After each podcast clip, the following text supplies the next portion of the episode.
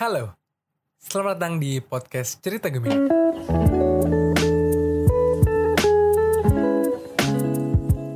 Ini adalah podcast episode ke-9 yang gue rekam di tanggal 26 Agustus 2019, hari Senin, jam 8 pagi. Wah, baru kali ini gue taping podcast pagi-pagi cuy. ya, apa kabar kalian semua? Gue alhamdulillah sehat-sehat aja.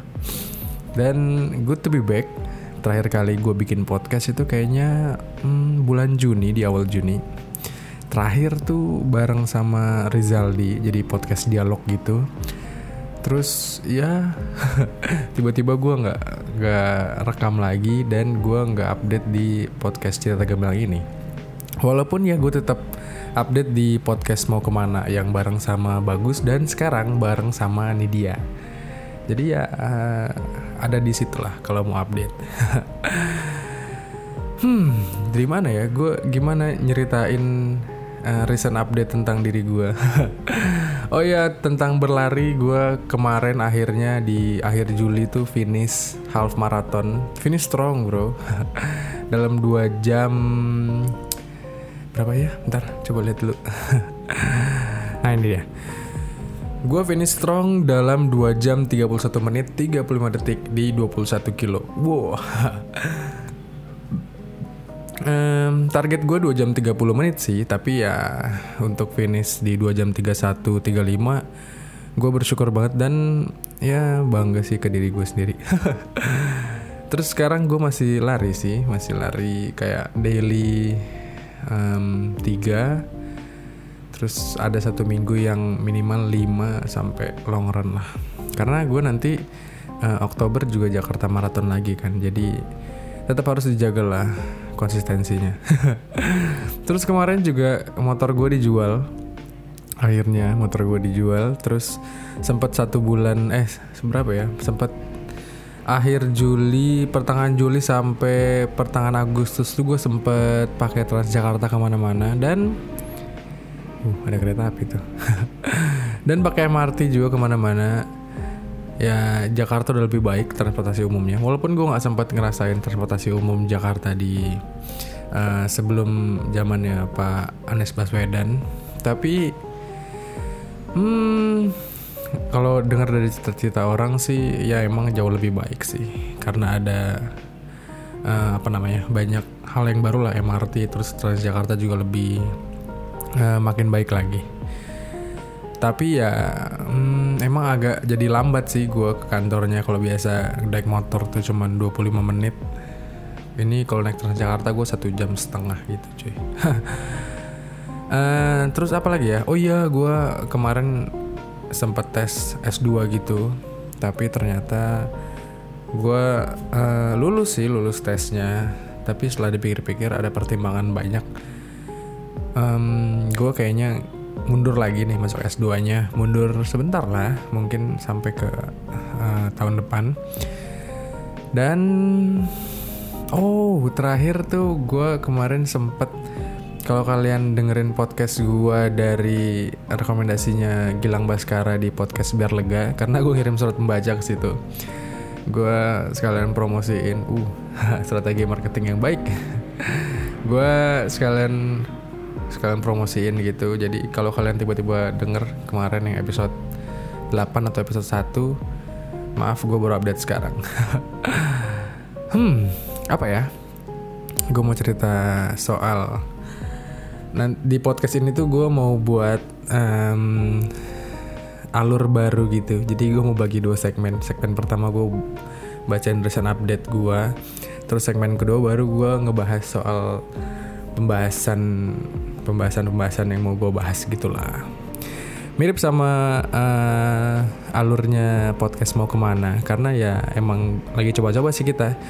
Paling enak paling nyaman yang mana. Gue juga menerapkan itu di podcast cerita gemilang gitu sih. Hmm, terus terakhir nih sebelum menutup recent update ini.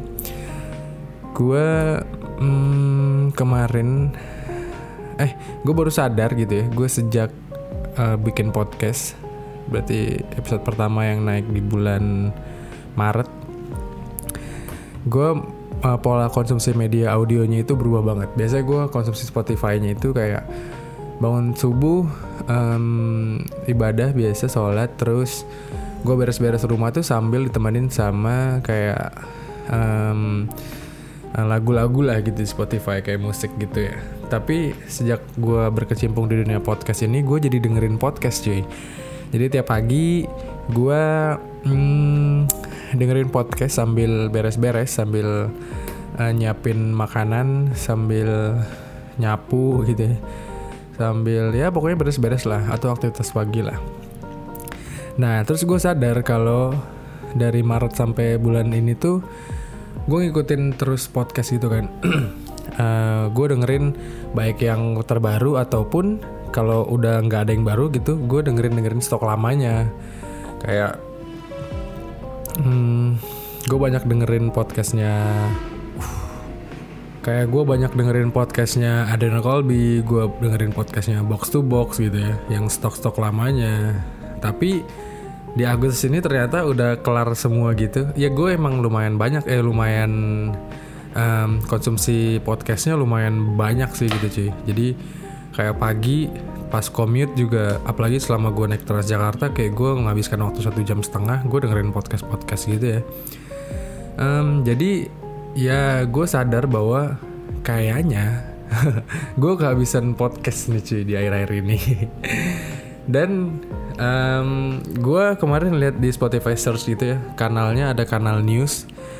Terus gue kepikiran kok nggak kok belum ada ya media di Indonesia yang main di news gitu. Karena gue rasa orang kayak gue tuh nggak nggak gue doang gitu yang bangun pagi terus uh, dengerin podcast sambil beres-beres sambil siap uh, mau berangkat kerja atau pas commute.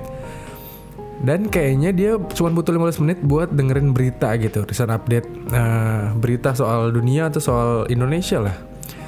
Ya kayaknya bakal keren sih kalau kalau si Kompas atau ya media-media mainstream lah ngebuat uh, satu kanal podcast gitu yang nyeritain tentang hari ini. Ada sih BBC Indonesia tapi itu global gitu cuy. Dan uh, eh, 15 menit doang gitu. Terus uh, dia belum beragam jadi kayak umum banget. Ya kayaknya kalau ada yang buat uh, daily gitu daily podcast terus 15 menit doang tiap pagi itu kayaknya bagus banget itu karena ya gue emang kadang dengerin podcast itu buat dengerin feature ya buat dengerin hal-hal yang feature tapi pengen juga sih sih dengerin berita gitu pagi-pagi. Ya 15 menit sih. Jadi ya semoga ke depannya ada media. Gue ngide pengen buat sih sebenarnya ngide pengen buat. Tapi banyak hal yang harus gue perhatikan yang harus gue godok lagi sebelum gue memulai. So ya yeah, sampai berjumpa di segmen 2 I just called to tell you drive safe Will I see you in the morning Cause I just wanna feel your touch Cause I don't think I had enough Di segmen kedua ini gue mau ngebahas soal ya kayak lo baca di judulnya, gue buat judul lomba lari tanpa garis finish. Uh. Jadi sejak kemarin gue finish half marathon itu, gue kayak menemukan insight. gue menemukan sesuatu hal yang menurut gue lumayan sih. Ini lumayan emang ternyata kita hidup dalam hal yang seperti ini gitu. Jadi ya sadar atau enggak kayaknya sadar sih kita lari tapi tanpa garis finish jadi uh, kalau gue ilustrasikan ya lomba maraton itu lomba maraton yang gue lakukan gitu ya itu tuh uh, sedikit banyak uh, ngasih tahu gue soal kehidupan di dunia nyata gitu sih. Jadi kita bisa menentukan pace kita sendiri gitu ya Sama kayak maraton lah. Gue mau finish di 2 jam 30 gue mau finish di dua jam di half marathon gue kemarin gue mau finish di berapa jam itu kita yang tentukan sendiri dan kita yang harus konsisten dalam tujuan kita gitu loh. Kayak gue mau finish 2 jam 30 nih cuy tapi berarti kan pace gue itu harus nih ngomongin half marathon ya. Pace gue itu harus di angka 7 menitan satu kilonya. Kalau gue uh, kendor dari 7 menit boleh maksimal 7.15 atau 7.30 gitu average pace-nya.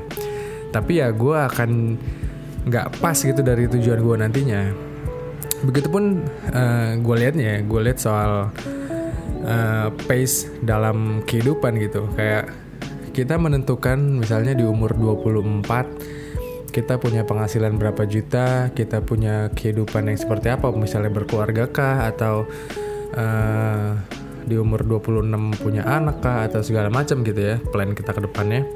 Itu kan sama kayak tujuan gue finish maraton kayak gue finishnya mau di 2 jam 30 ya sama kayak lo di umur 25 harus apa di 26 harus apa. Tapi selama menuju ke proses umur 25-26 itu kalau pace lo lambat atau misalnya ada hal yang lo skip cuman karena lo leha-leha doang ya gue rasa lo nggak akan finish strong di umur 20, 25-26 target lo itu gitu. Ya ilustrasinya misalnya lo pengen di umur 25 lo punya jenjang karir yang lebih tinggi gitu. Tapi di umur 23 di umur 24 lo sama sekali nggak nambah ilmu lo lo sama sekali nggak nambah networking lo nggak sama sekali nambah eh, hal-hal uh, yang bisa ngangkat uh, apa ya karir lo gitu. Tapi ya sama aja lo di umur target lo itu nggak akan mencapai yang lo targetkan. Itu finish strong gitu kan ya sama halnya kayak maraton. Jadi setiap pace itu punya resiko masing-masing gitu. Lo terlalu lambat lo akan terbuai gitu lo nggak akan finish sesuai target. Tapi terlalu cepat pun lo bisa cedera cuy. Kayak gue kemarin di half marathon gue di kilometer ke 1920 itu gue cepetin pace gue karena gue merasa gue ketinggalan nih. Gue tadi pengen 2 jam eh, uh, 30 finishnya kan. Berarti gue di kilometer 20 itu harus sisa 7 menit lagi gitu. Harus gue 2 jam 22 itu harus sudah di kilometer 1920 lah. Eh di kilometer 20 jadi yang terjadi adalah gue ningkatin pace gue berlari secepat-cepatnya di kilometer 18 dan itu fatal banget cuy. Gue di kilometer 19 itu kunci gue eh kaki kaki gue kunci gue lagi. Kaki gue hampir ngunci gitu jadi kayak cedera yang bisa bisa parah gitu ya. Kaki gue bisa uh, apa namanya bisa ngelanjutin balap gitu bisa ngelanjutin race. Karena gue maksa diri gue lebih gitu. Dan itu tuh terjadi di hidup hidup hidup lo gitu hidup kita gitu. Jadi misalnya tadi ya kita ngomongin target soal karir gitu. Kita pengen karir kita di umur eh, uh, 26 gitu jadi manajer. Tapi di umur 24 lo santai di 25 santai. Nah di 25 akhir lo secepat-cepatnya lari lo beresin KPI lo benjilat sana sini. Ya yang ada bisa aja ter bisa aja lo uh, cedera gitu. Terus nggak jadi manajer malah bisa jadi lebih parah gitu atau turunnya. Kayak karena lo tiba-tiba kok kok gini lo nggak peningkatan karir tapi lo malah menjilat sana sini karena panik pengen target lo tercapai. Ya banyak yang terjadi gitu. Kalau dalam maraton yang kita ilustrasikan di kehidupan gitu ya. Ya kita harus tepat sih pace-nya. Jadi ya mau lambat mau cepet tuh emang kita yang bisa menentukan sendiri. Tapi ingat setiap pace itu punya resiko masing-masing gitu. Nah terus di maraton itu ada momen di mana kita lagi mudah-mudahnya lagi banyak dukungan lagi ada cheering gitu ya ada orang-orang yang di pinggir jalan tuh ayo mas ayo semangat bang. Terus ada kayak water station gimana di mana mana gitu ya ada. Uh, gue inget banget gue kenapa gampang gue merasa gampang gitu ya ketika gue race dibanding gue lagi long run lari biasa di uh, Jakarta misalnya. Yang paling kerasa adalah karena banyak water station dan ada cheering dari penonton. Terus kayak tim medis itu banyak lah. Jadi lo nggak merasa apa namanya nggak merasa takut buat lari gitu. Gue juga kalau hampir setiap water station gue datengin buat minum doang. Jadi ya banyak hal yang dalam race itu banyak dukungan lah gitu. Nah tapi ada momen yang berat juga gitu cuy. Tapi ada momen yang berat juga gitu cuy. Jadi kayak lagi apa namanya uh, gue di Bandung half marathon itu di kilometer uh sorry ya kali bata nih. Banyak banget berisiknya makanya gue nggak males bikin podcast pagi tuh karena gini.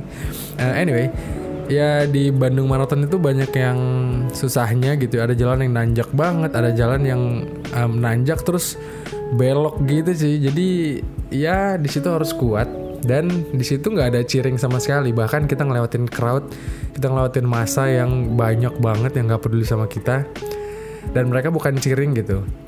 Jadi ya itu kalau dalam kehidupan gitu banget gitu ya. Ada momen di mana lo lagi santai-santainya lagi menjalani kehidupan yang kayak uh banyak banget dukungan buat gue nih lagi bagus-bagusnya punya pacar lagi baik-baiknya punya keluarga lagi mendukung-mendukungnya gitu. Tapi ada momen di mana ya seret banget gitu lagi tanjakan lagi belokan lagi lo ngelewatin banyak orang tapi mereka semua nggak ngedukung lo. Jadi ya momen-momen gitu yang kita jangan sampai terlena jadi tetap tetap dalam pace gitu ya. Gue juga uh, pengen finish strong kemarin. Jadi gue tahu pas gue water station gue nggak boleh terlalu lama berhenti gue nggak boleh terlalu lama apa namanya ngambil minum terus kebanyakan yang di mana bisa bikin gue jadi melambat gitu di uh, lari gue berikutnya gitu ya. Dan ya uh, dari itu semua sih yang gue tarik kesimpulan gitu ya. Kayak sadar atau enggak kita semua tuh berlari dalam uh, berlari ke arah garis finish yang sama gitu cuy itu uh, finish line dan percaya atau enggak gitu. Garis finishnya adalah kematian. Kenapa gue bilang percaya atau enggak? Karena banyak orang nggak percaya kematian sih. Aneh banget. Terus ya lo lo jadi orang yang mau finish which is mati gitu ya dalam keadaan yang sesuai target lo sesuai tujuan lo atau sesuai eh, atau nggak sesuai dalam target dan tujuan lo. Uh, katakanlah gue sebagai muslim, gue tentu pengen mati uh, masuk surga, pengen jadi kebanggaan orang tua, pengen semua orang uh, sedih dalam men, uh, dua ditinggalkan gitu ya. Tapi kalau gue berlari di pace yang nggak menuju ke arah situ, kayaknya gue nggak finish strong. Jadi bagi gue hidup itu harus balance juga, cuy kalau lo mau target lo dunia-dunia doang ya mungkin lo bisa menyesuaikan pace lo tapi kalau lo pengen uh, target lo juga ada hal-hal yang berbau uh, religius lo harus menyesuaikan pace lo dan berlari lo. Ya dan um, kita lah yang berhak menentukan kita yang paling bisa menentukan untuk finish strong atau tidak. So ya gue akan terus berlari dan gue akan terus bercerita. Sampai nanti